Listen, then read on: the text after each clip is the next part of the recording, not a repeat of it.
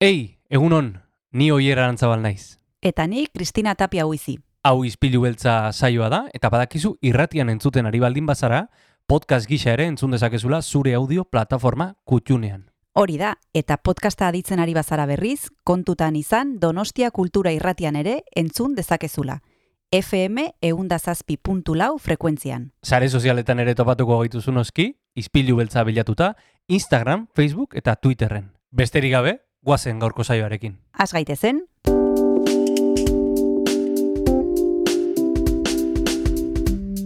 Ispilu beltza. Donostiako kulturaren berri, Oyer Arantzabal eta Kristina Tapia buizirekin.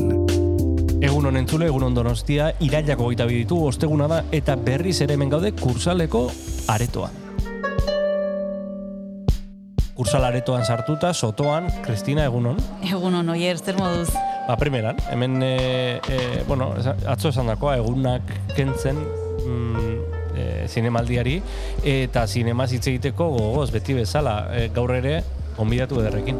Bai, gaur ere gonbidatu ederra izango dugu, Maria Elorza hurbilduko da gure txokora, berak zuzendari berrietan daukalako proiektua, a los libros y a las mujeres kanto, proiektu oso bitxia, e, ikusteko aukera baldima daukazu a, gomendatzen dizugu, entzule, eta gainera, badekizu egunotan Kresala Zenikuleko lagunak izaten ditugula egunero egunero e, pelikulen inguruan aritzeko, eta gaur Janet Diez etorriko da My Way Out, zinemiran ikusteko aukera daukagun pelikulari buruz aritzeko, eta gainera kontatuko digu berak e, barruan e, lan egin duelako produkzio sailean egondu da, eta kontatuko digu ba, ba, e, oso gertutik ezagutzen duelako pelikula hau. My Way Out, e, kresalako lagunek gure partez ikusten dituzte filmak eta ekartzen dizkigute, beraiekin itzengo dugu e, eta ekarreko dizkizugu zuri ere, entzule, eta orain Jon Gartziaren baionarekin hasi dezagun zaioa. Hori da, guazen gaurko izpilu beltzarekin.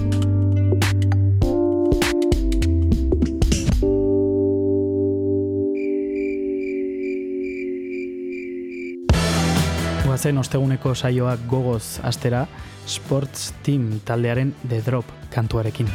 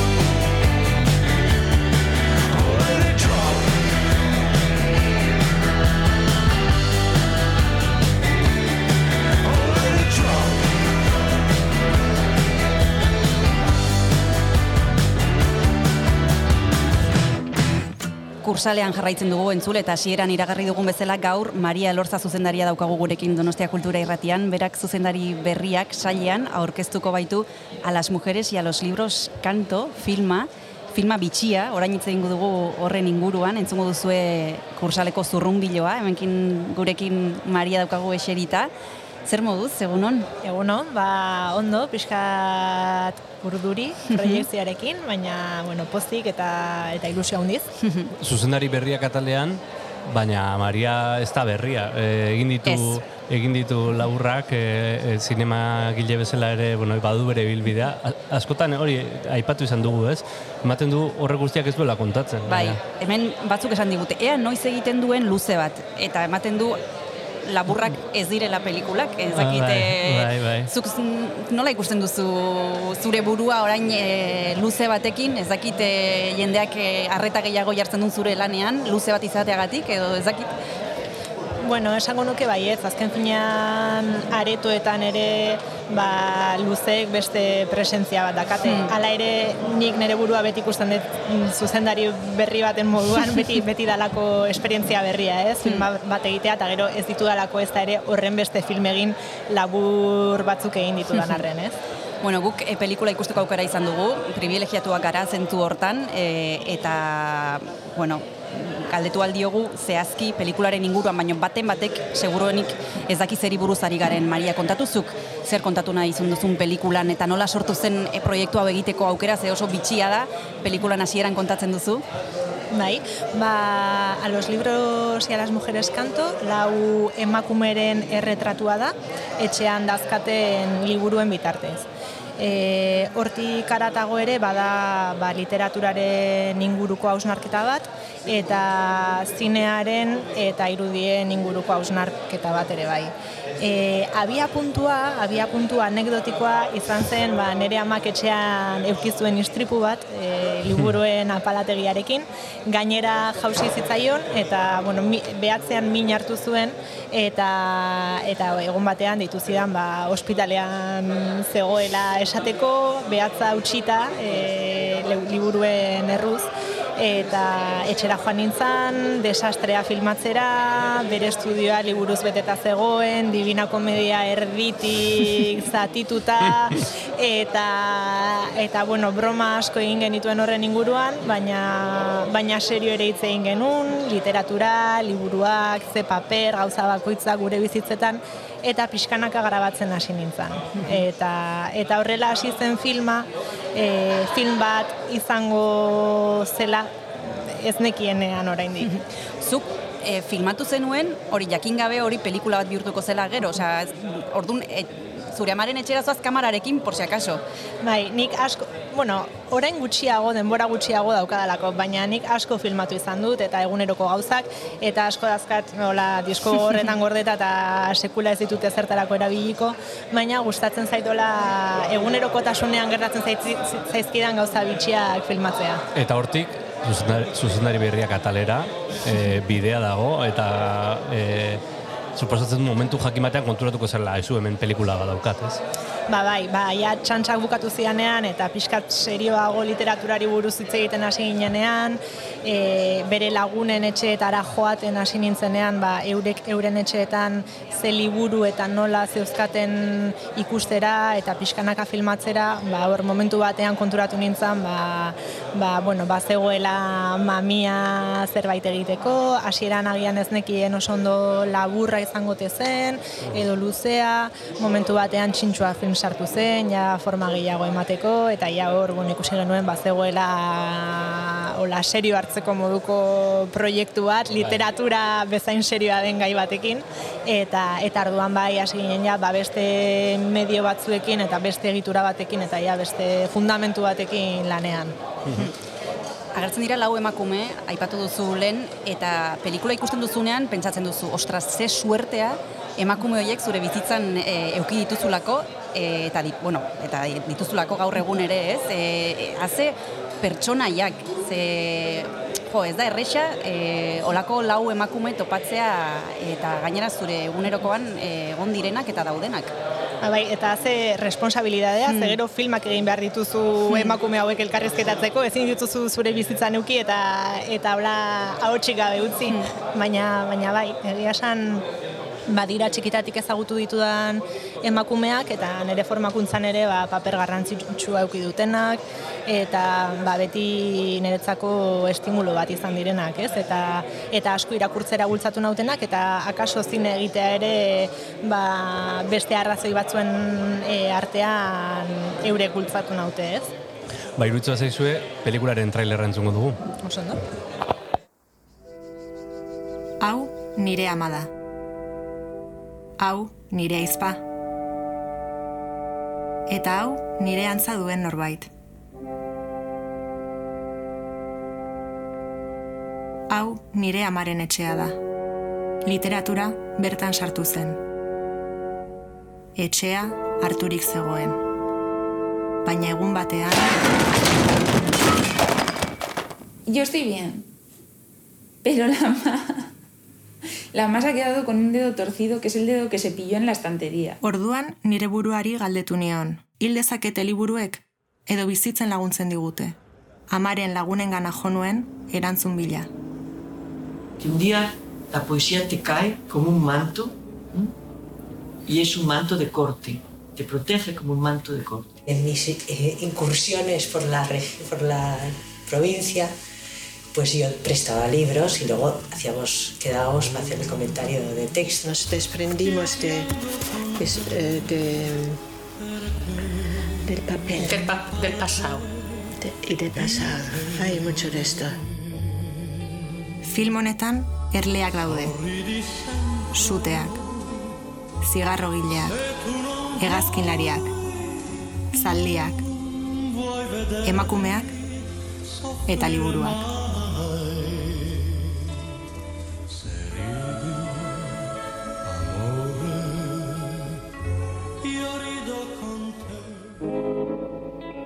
Maria Elortzarekin hitz egiten ari gara a las mujeres y a los libros kanto eh, filmaren inguruan entzun dugu trailerra eta orain abesti bat entzuten ari gara. Maria, eh, zea besti aukeratu duzu orain entzuteko? Ba, aukeratu dut Bobby Soloren Sepianji Serridi.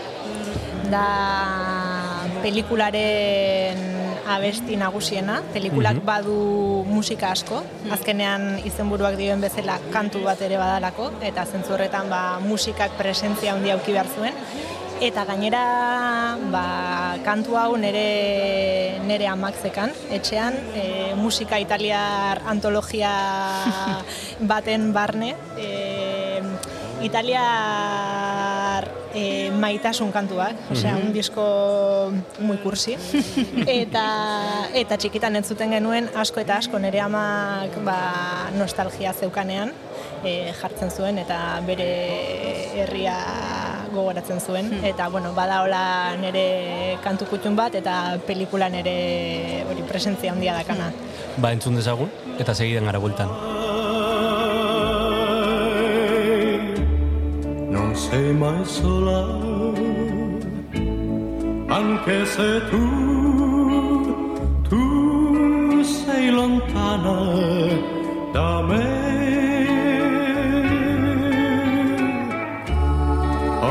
moment.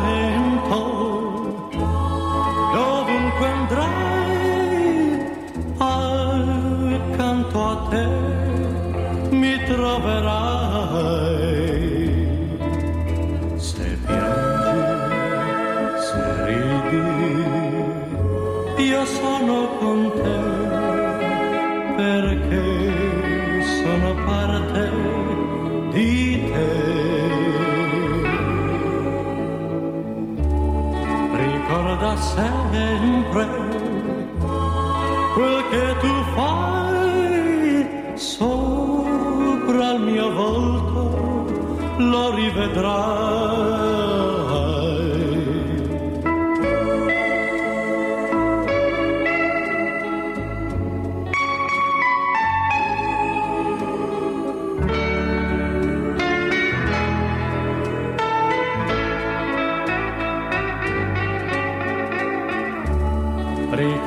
Sempre quel che tu fai sopra il mio volto lo rivedrai. Maria Elorzarekin gaude hitz egiten hemen kursalean, aurkeztuko baitu pelikula zuzendari berriak sailean, a las mujeres y a los libros kanto. Aipatu dugu abesti bat, aipatu dugu literatura, baino aipatu behar dugu ere bai Italia eta Italiera oso presente dago, Italieraz egiten duzu narrazioa. Em, ikusten nuenean pelikula pentsatzen nuen e, zure amari em, omenaldi txiki bat egiten ari zinela edo amodiozko gutun bat idazten nolabait pelikularen bidez. Ba, noski baiet, e, egia esan e, pelikula bada amodio gutun bat lau protagonistei eta omenaldi bat, eta noski ba, nire amari batez ere, eta, eta bai, niri, bueno, italiar elementua asko gustatzen zait beti ni ere italiar hiritarra ere banaizelako, eta, eta hori ere errebendikatu behar dut, zergatik ez.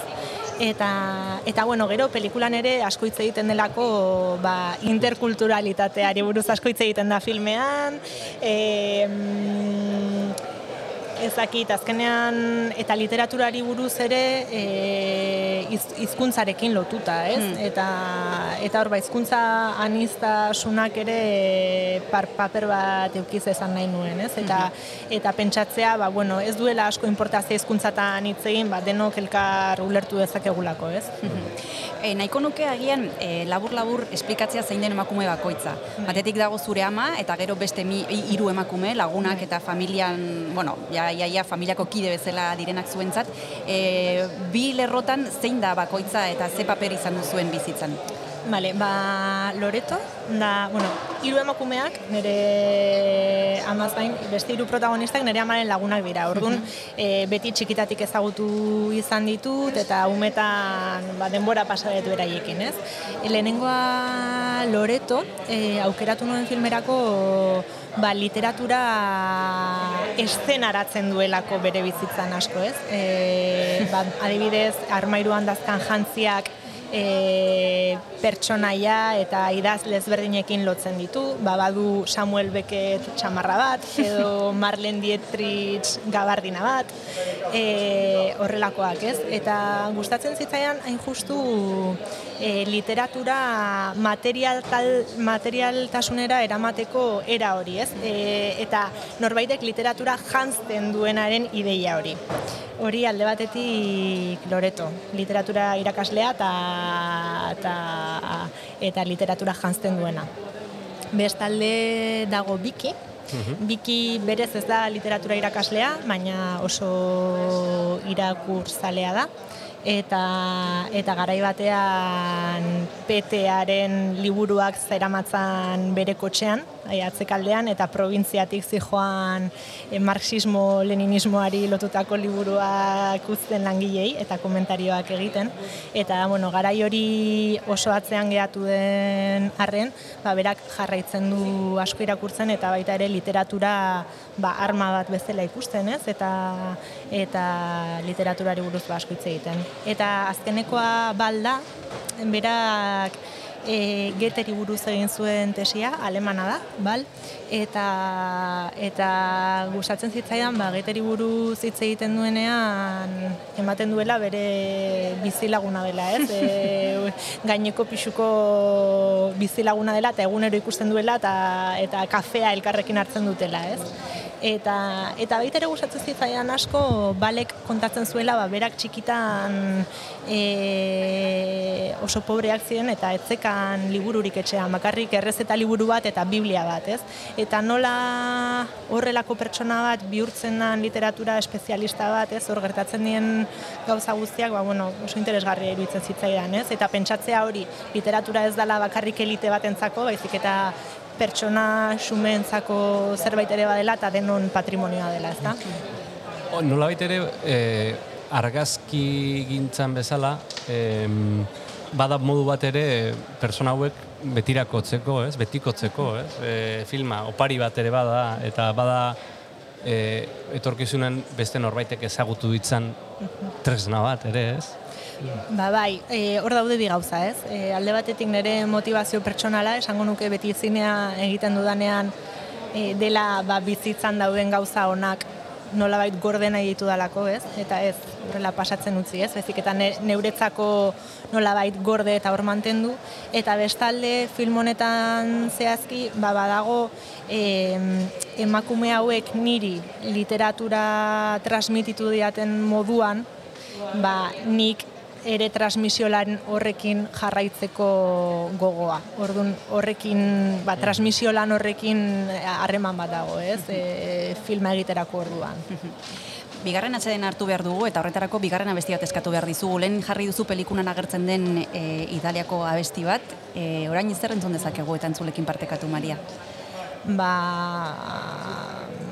jarriko dugu Carmenen Habanera, eta ia topiko bat, baina filman ere mm, garrantzia handia du. Eta azken finean filman kontatzen den gauzetako bat badalako garai batean zigarro lantegietan e, zigarrogileek e, lankide bat liberatzen zutela bestei irakurtzeko, ez? Begira. Eta, eta bazegoen baita ere e, Kuban eta Estatu Batuetan e, irakurle profesional bat kontratatzeko ohitura. eta asko gustatzen zait e, lehen esaten nuen bezala, ez? E, literatura ez dala eliteen e, gauza bat pentsatzea, ez? Eta zigarro gilen kontu honek oso ondo islatzen du hori. Eta, bueno, horrexegatik abanera. Entzun dezagun.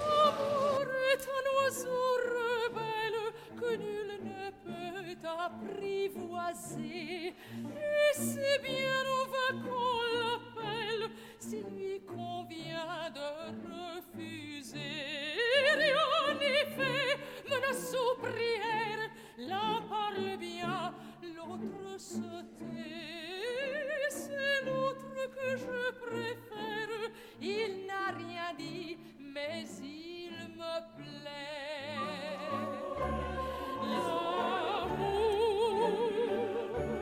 L'amour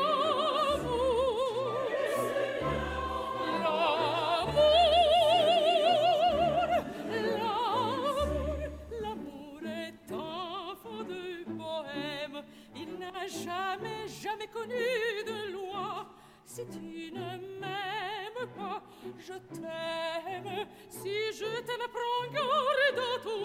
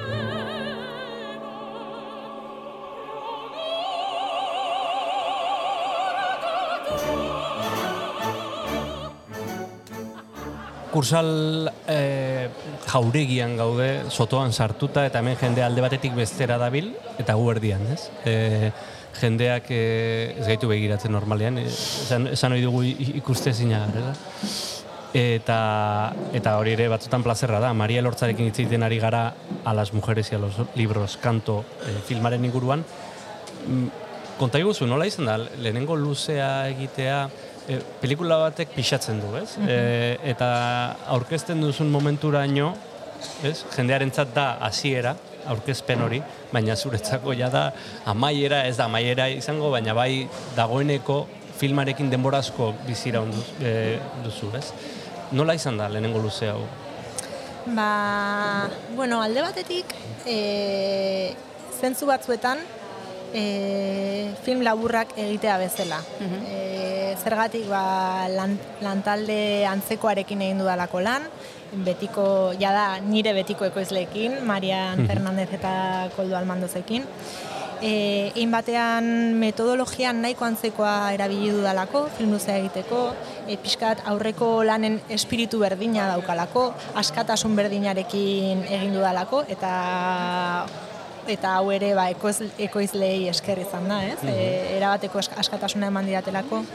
Baina bestalde, ba, komentatzen zenuen moduan, prozesuak askoz luzeagoak dira, eta lehenengo irudiak 2018an grabatu nituen, beraz, ja, badira lau urte lehenengo lehenengo irudiak grabatu nituenetik. Orduan, e, pixutsua izan da mentalki momentu batzuetan, ez? E, denbora asko ba, gai batean murgilduta, gauza berari bueldak ematen.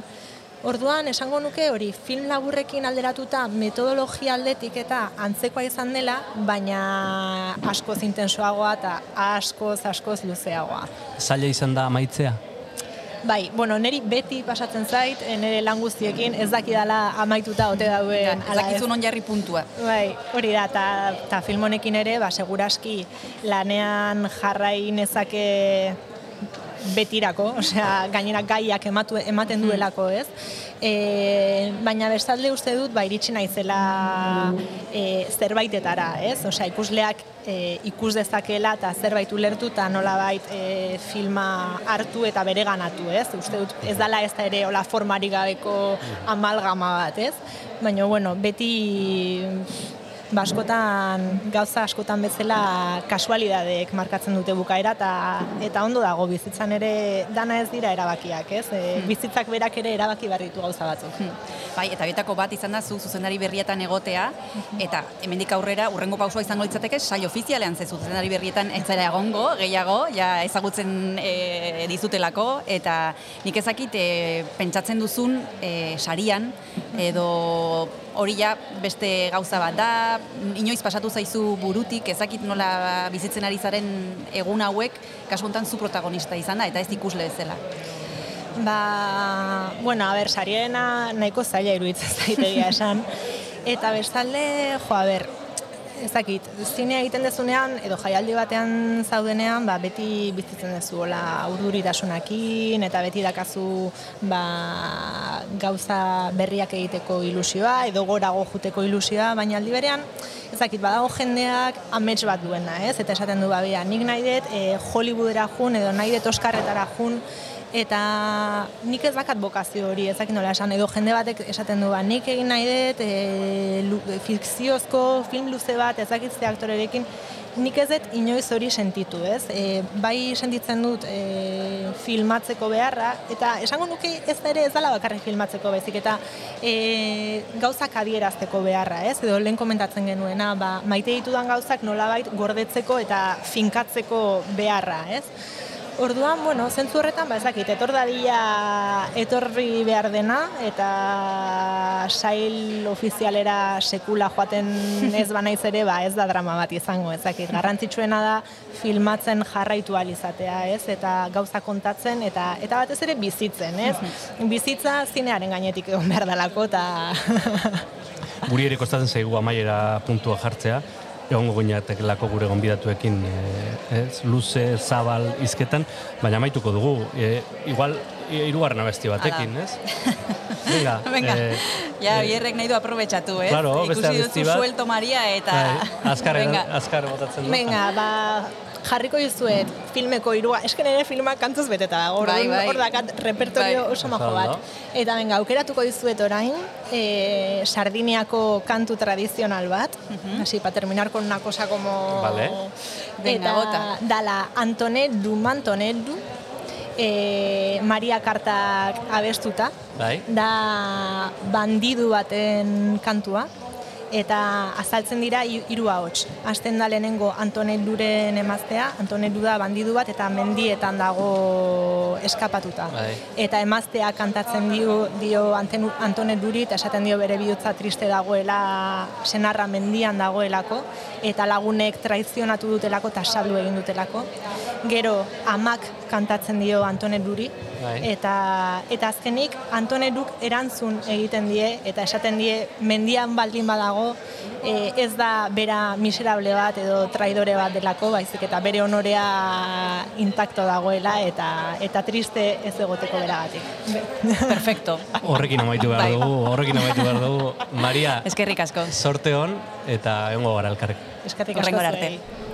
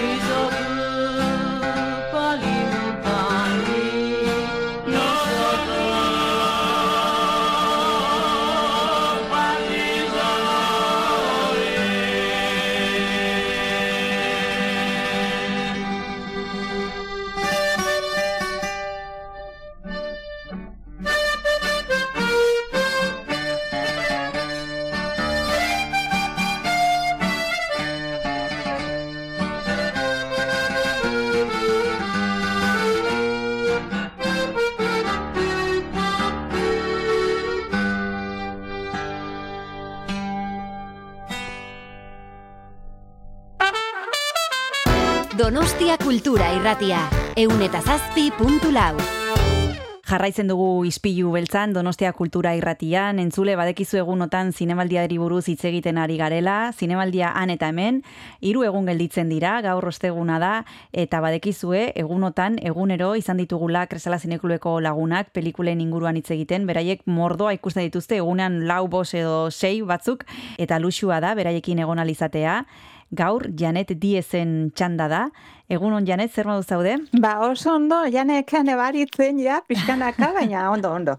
Bueno, oraindikan hiru egun gelditzen dira, oraindikan gelditzen da epaiaren erabakia. Ezakitenik e, e, aserretzen zaren, hoietako bat zaren, Janet, e, erabakitzen dutenean nork irabazten duen eta eta ba, e, sariak banatzen dituztenean, edo berdin zaizu, zer esaten duten. Ba, ez, ez nez oso aserretzen, baina bai, e, hartzudan pena ematen dit, ez? Igusten Mm. duzu filmat oso ona, eta esatezu hau irabazi behar du, eta gero ez du ez da aipamenik ez da saririk ebasten, eta pena emate izu, ez?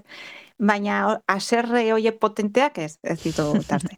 Bitu, aurrekoan, e, lehenbiziko egunean hitz egin genuen e, Paulekin, eta berak esaten zigun berari ez zaiola inporta, nork irabazten duen, azkenean gustu kontu bat dela, eta berari gustatu baldiman zaio, ba horrekin nahiko, baino bai gustatzen zitzaiola ikustea Twitterren eta nola jendea serratzen zen, eta jendeak zer esaten zuen. eta pixka bat, e, hori, e, saltxeo hori gustatzen zitzaiola, baino bera etzela serratzen. Ba, bai, saltxoa hori oso ona izaten da gaina, eh, hor, en directo, ez? Bai. Izaten da gaina, zaude hor Bai. gala ikusten, eta Twitterrenean, bai, bai, gaina Paul ezaguturta, seguro asko asko gustatzen zaiola.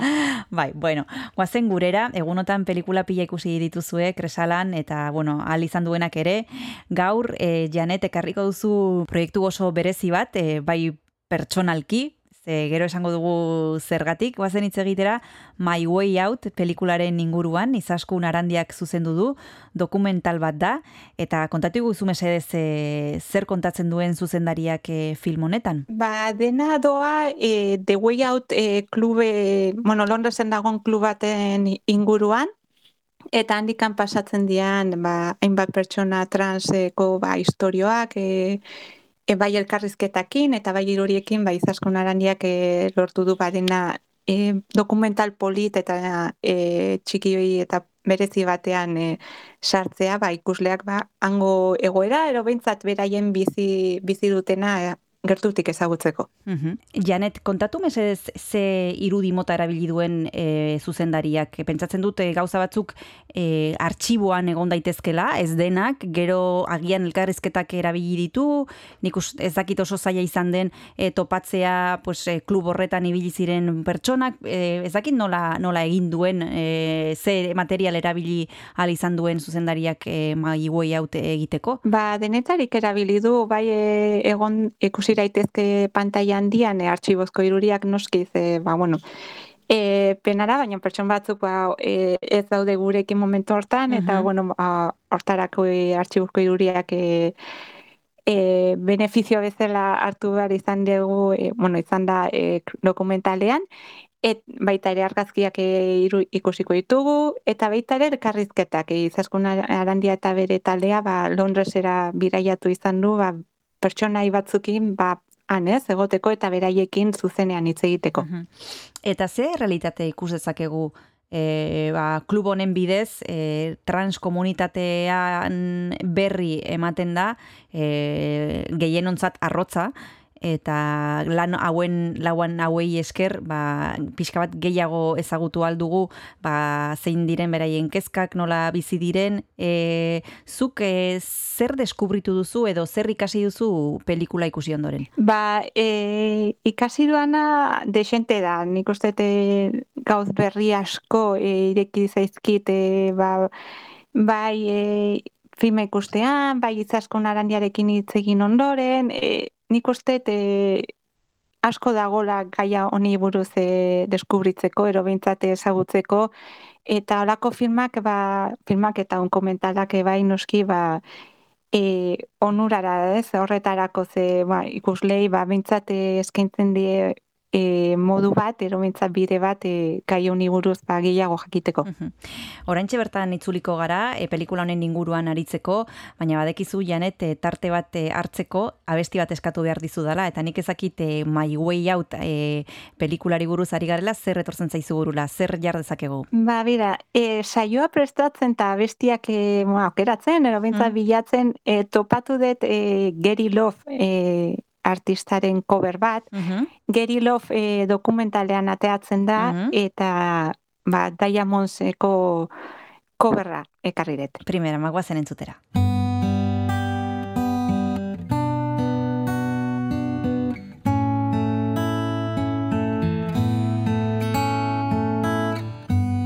Shine bright like a diamond. Shine bright like a diamond.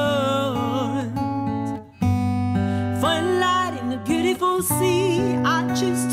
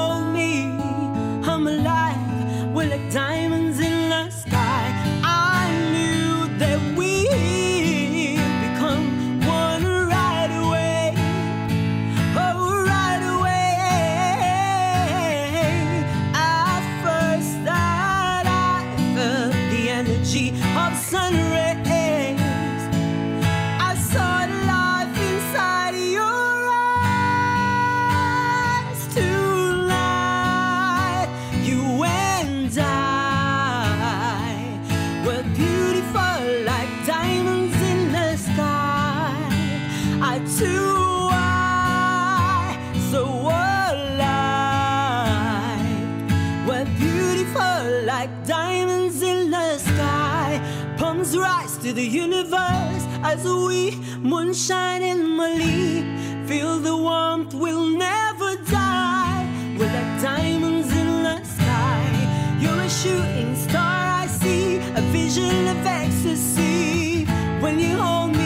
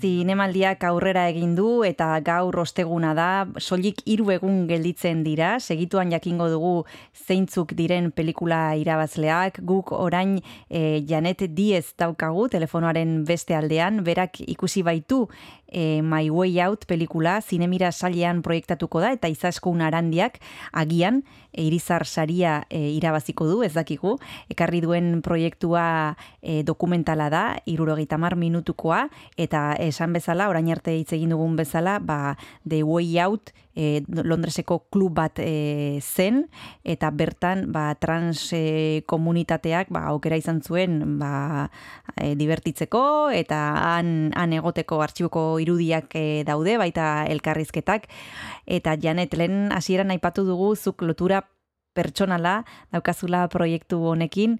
Kontatu iguzu e, ze ikusi, zer, ze, zer ikusia daukazun e, lan honekin? Ba, eh, esango dizulen da bizi, Kristina, ma, ma, eh, The Way Out, oa indikan Ai, barkatu, The bizirik Way dago. Ah, bai, bai, eske irakurri nun e, itxita zegoela pandemia dela eta. Bai, pandemia dela eta itxe egin zuten, baina orain dela, uste, te, gutxi ez, ero Ah, urtean, berriz ireki dute. Ah, Orduan, Londresen daudenak, eta entzuten baldin badute eskamak Vale, eta vale. Londresen dauden, neba, jundezakete Bale, The Way bale, bale. Outera. On, ondo da zuzenketa ze irakurri nuen e, itxi zutela, baina ez nekien berriro ere Bai. ireki zutela ados. Ba, The Way Out, e, Londresen irekita da norbaitek e, nahiko balu. Bueno, Gaina Janet, no konbiratua daude, osea que E, eta harremana ba, oso estu esan beharko dez, ekoizpen taldean nago sartua e, Mhm. beste kide batzukin batera eta zer esango, epa, plazer handi izan dela taldean egotea eta eta guain ba, zinemiran egotea eta agian irizar sal, e, sari erabaztea, ba, imaginatu nola Mhm. gauden, ni indikan en shock. e, zuzendariak esan zigunean, ba, zinemirana e, hartu zigutela dokumentala, ba, geratu nintzen en shock eta eta ber, zer gertatzen den. Ikusiko dugu, datorren, e, datozen egunetan ikusiko dugu, Janet, nola da horrelako proiektu batean e, ekoizpen e, lanetan aritzea? E, ez da oiko pelikula bat, ez da fikzio bat, denok ulertzen dugu fikzio bat gutxi gora beran la funtzionatzen duen, baina dokumental bat denean, artxiboko irudiak daudenean, ekoizpen taldeak zer egiten du? Ba, hainbeste, hainbeste ba, email honea tarea bidali, e, telefono hitz egin, e, ni egia da, ba, pixkate hasieran gehiago egon naizela, ba, bai, ba, e, permisoak eskatzen, e, ba, Londresen beraiek eh, grabatu alizateko, eta bueno, azkenean, ba, e, dena, e, ba, grabaketak e, ondo joateko, e, dena ondo ustea, ez? Eta dena ondo programatzea, eta nik uste hori dela e, ekoizpen taldeak duen e, era, bueno, egiteko nagusia. Mhm. Izaskun Arandia ez da berria zinemaldian, beste proiektu batzuekin ere bere lanak aurkezteko aukera izan du.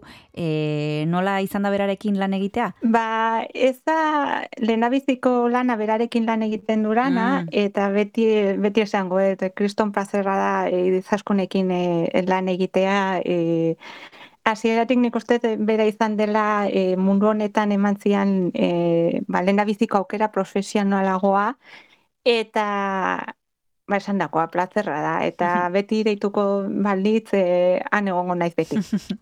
Bueno, bigarren tartea hartu behar dugu, My Way Out pelikulari buruz hitz egiten ari gara, izaskun arainek aurkeztuko du, zinemira sailean egongo da, eta ez dakit bigarren tarte hontarako zer prestatu duzun janet. Ba, pixkat, e, ba, e, My Way Out e, bereziki e, azkeneko momentuetan biratzen digun mezua gatikan, ba, e, aukeature The Great Showman e, filmaren This Is Me, ez? Ni hau naiz, eta orduan abesti hori e, karriret. Primera, magoazen entzutera.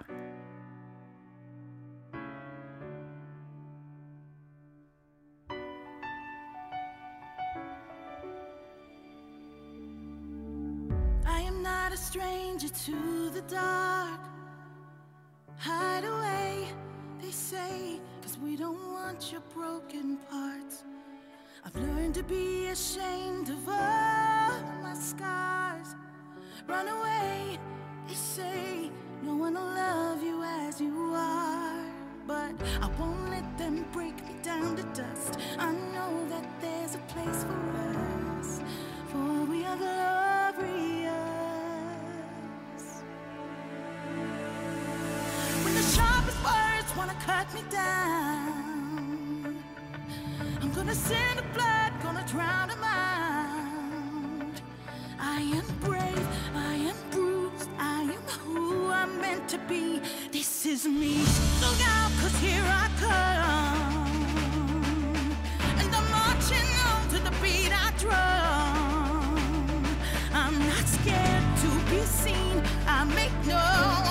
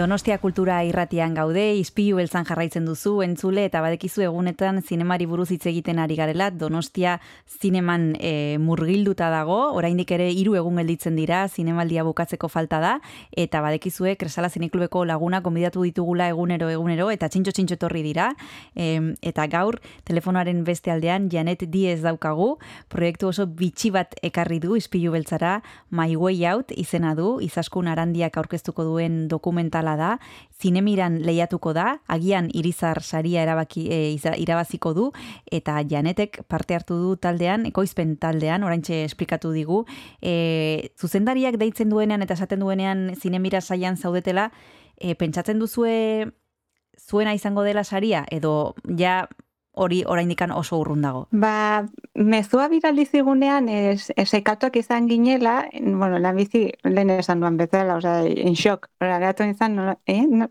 bi aldiz irakurri behar izan mezua, zer nun sinesten lehen biziko begirarakin, baina momentu horretan eta denbora luzez, ni behintzat ez dut eh, sarian eh, pentsatu. Ja sarian pentsatu deia, ze oain zinemaldia gerturatzen ari dela, ez? Ja. e, ja guretzako, edo behintzat niretzako, ja pantai handian e, botatzea e, hainbeste urte ondoren e, ba, saria handia da, ez? Eta gaina, ba, zinemalian, ba, zer esango dugu.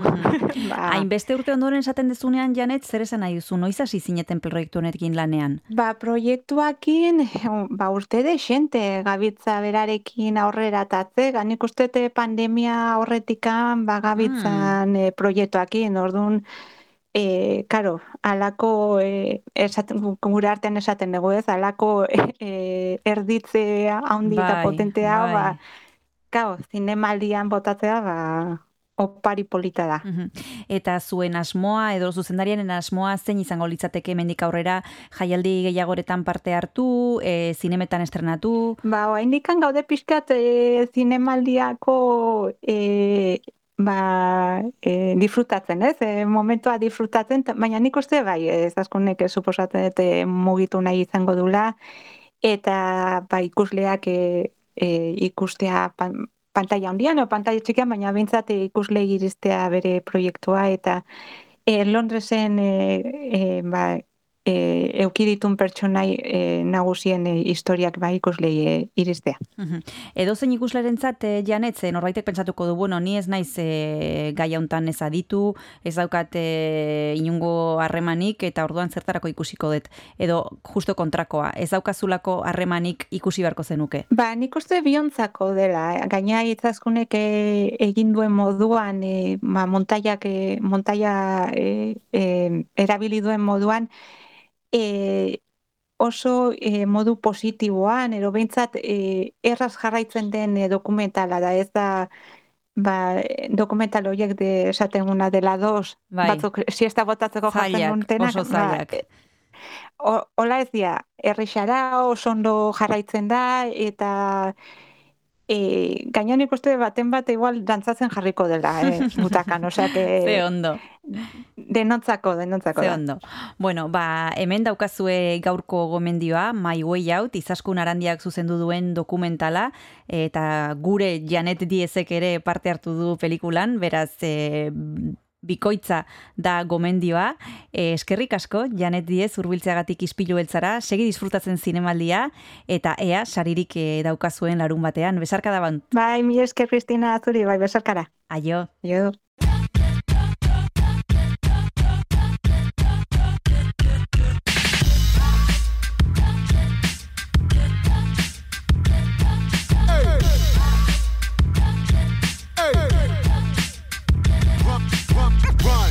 Here come menaces to sobriety. Like what? What? Super thuggers thumping on the cut. Run, My motherfucking Uzi weighs a ton. Hit the drum till you hear it go ba-dum bum bum bum. Run, run. Piety just really isn't us. What a rush. See you cutting up a pie. That's my lunch.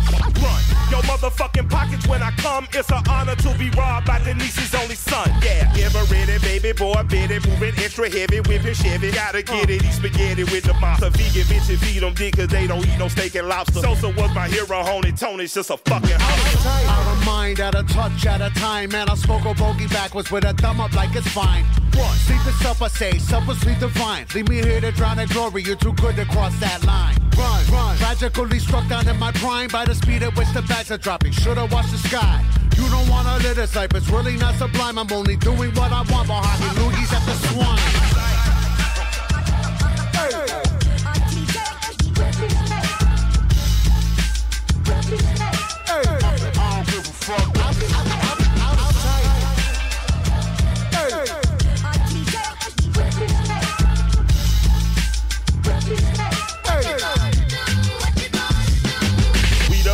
The devastating, captivating, ghost and ray relating, product of the fucking 80s. Coke dealing babies, never regulating, bag accumulating. It would not be overstating to say they are underrated. Proud of Brooklyn and the Grady, baby. We don't need no compliments or confidence. Our attitude and latitude is fucking big. Summer leather bummers, Dookie Ropes is smoking indica. Ain't a team as mean and clean as Jay Moline and Michael Renderbrook. TV got no temperature. Even if it did, bitch, we cool as penguin pussy on the polar cap peninsula. Colder than your baby mama heart when she uh. find out you been fucking with that other broad and you ain't got that ring I know you just about me fucking had it. Our shit is just magic. Go figure the run to the little did it without scamming. Was praying in the fat of the land on your man is matching. We back in the class of lapping. You raising a hand and tapping. Might shit it in your locker and let them know with a winky face. Meet us at 3 o'clock if you wanna do something tragic. We'll shrinky dinky, all of that yapping. It's automated. The gears of the rapper shredder want action and it'll happen. You know I'm popping the product of fucking poverty. I'm cool as AC, and you niggas, you just wanna bees. I slide on tracks like home plate, ride beats like road rage, got a crib in like four states. I get a text like stay safe, text back. I miss that pussy, be home soon, and I can't wait. I came from a dream, triple beam, and some great tape. My sister went shopping, put my bags in the 8-8. Hello, Mr. Big Safe, the bank teller trying to get ranked. I buy a hot dog stand if I'm trying to be frank. Just left the hospital, making sure my nigga was straight, and sent Bear a couple dollars till they give him a date. Tony.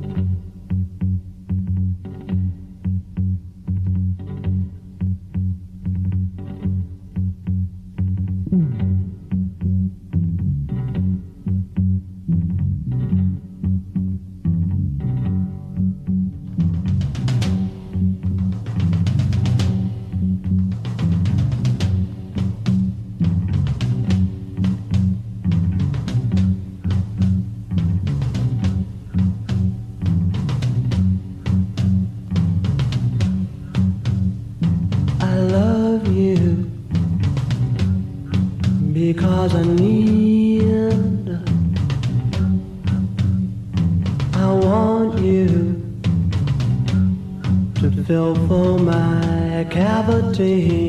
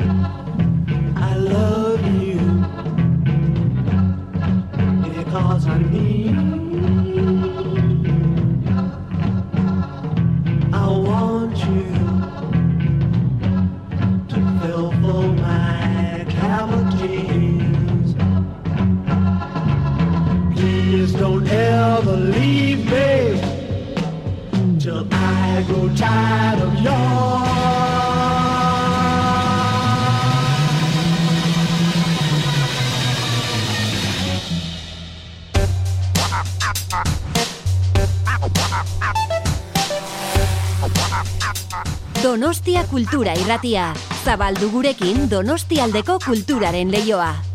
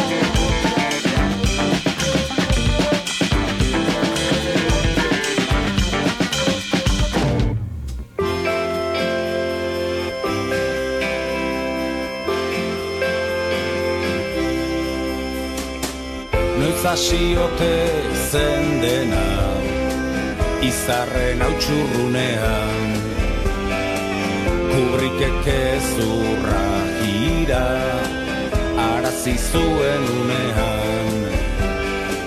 Bilintxen negar ampulu Soil batekin urumean. Behin izan nintzen umean New Yorken zero gunean Kutsa metafisikoen barreneko utxunean Akaso zure egon gelan nire logela xumean. Agian dena bukatu zala esan nizunean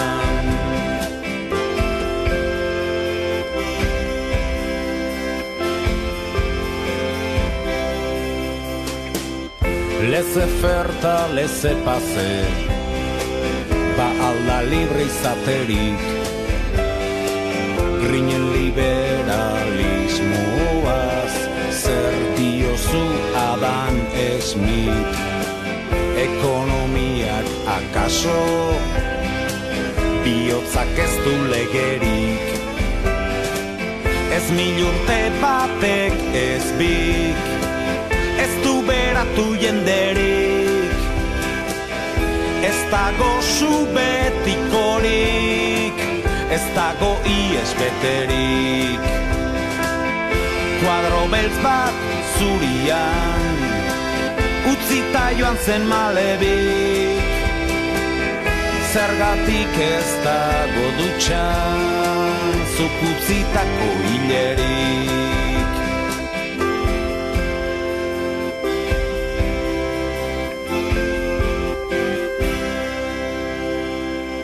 Norberak sortu minori Da norberaren oinaze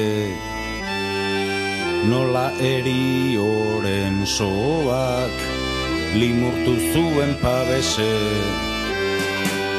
Egon arririk gabeko Piztiok ere alaxe.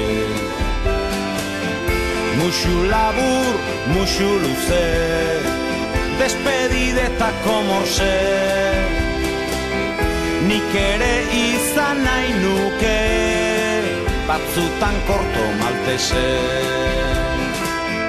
Baina nire eskondidan Izarak ez daude eze Arrakalatuz dikoaz Desertuak bezalaxe Autazko desertua da. Ez badago urbearrik Nire iritziz errua. Dute laboak tasarrik Ertzainakek politikak Ta iru lau ametxlarrik Ez dago fikzio txarrik baina bizitzan alperrik. Ezin da eskatu irri bat entzun nahi gabe negarrik. Lotan sozialista izan kapitalista itzarrik. Horregatik gozautzen dut goizero bakar bakarrik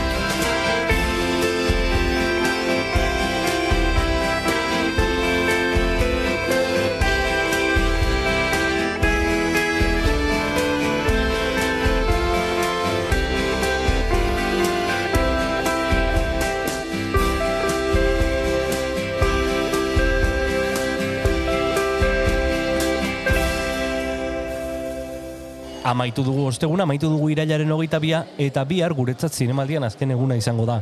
Ostirala e, zinemaldiarekin eta eta liburutegiko gure lagunekin. Bai, ez dute txanda pasa egin, eh? Liburutegikoek Mhm. txintxo txintxo ostiralero izaten ditugu hemen eta bihar Ruben Bidal etorriko da Natasha liburuaren inguruan aritzeko Koldo Almandozek eta Aritz Turebak egindako proiektua eta gainera protagonistak izango ditugu zinemaldiko protagonistak egonbidatuko dugu Alberto Gastesi, La quietud en la tormenta pelikularen zuzendaria eta gainera Pedro Saldaña, zine, e, Kresala Zinekuleko kidea izango dugu, El Basco, Broker, Girasole Silvestres eta Esparta pelikulen inguruan aritzeko. Tomaia, hor e, gomendio guztiak, hori bihar izango da, hemen Donostia Kultura Irratian, FM 1.6.lau frekuentzian, eta nahieran, audioplatformetan bilatu ispilu beltza, e, bilatu ispilu beltza zure eguneroko e, kultur magazina, kultur podcasta, deitu nahi duzun bezala, hori, bihar hemen egongo gara, bezarka da. Agur.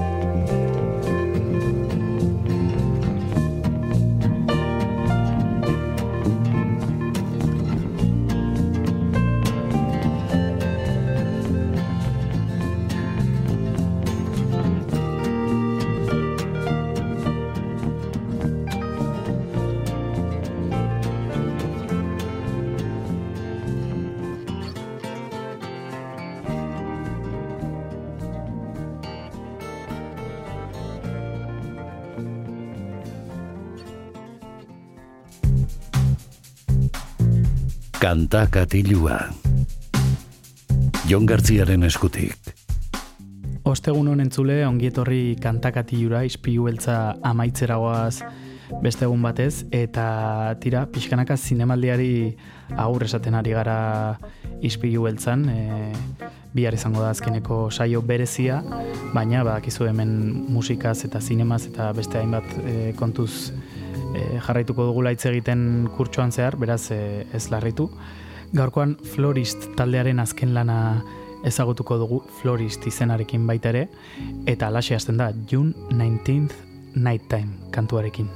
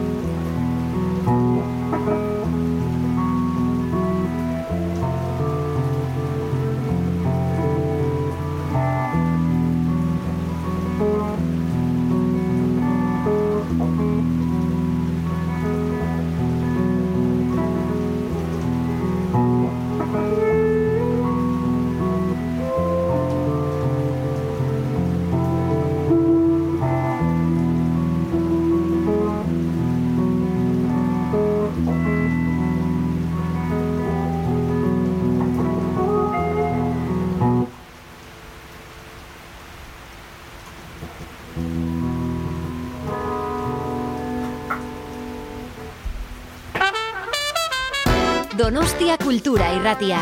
Eun eta zazpi puntu lau.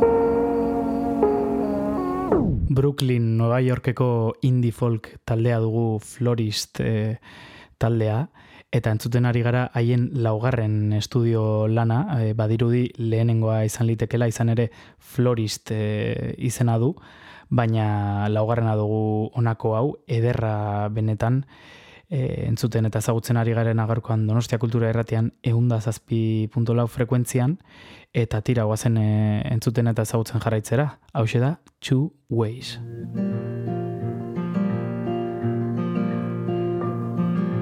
two ways through.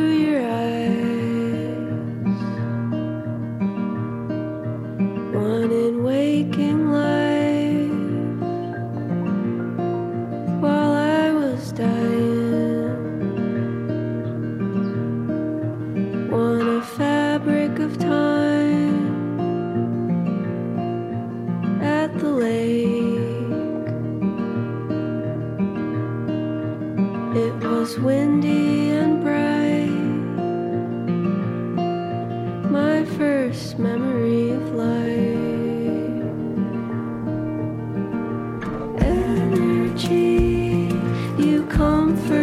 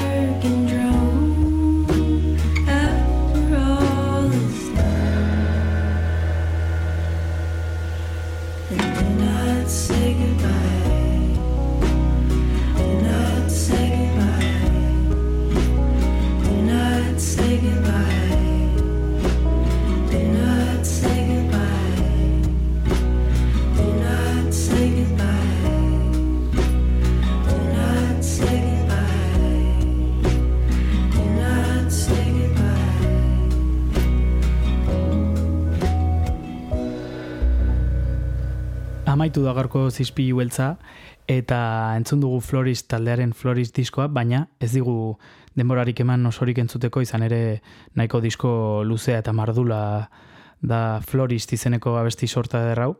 Beraz, e, bi arrostirala dugunez, beste saio bat dugunez, eta kantakatioan musika jartzen jarraituko dugunez, ba, bi garren zatia, bi entzungo dugu, beraz, nahi baduzue bi arreunda zazpi.lau frekuentzia sintonizatu eta gurekin e, entzun eta gozatu, ba, gonbidatuta zaudeten noski. Beraz, bi harritxongo zaituztegu, eta horixe, bi arte.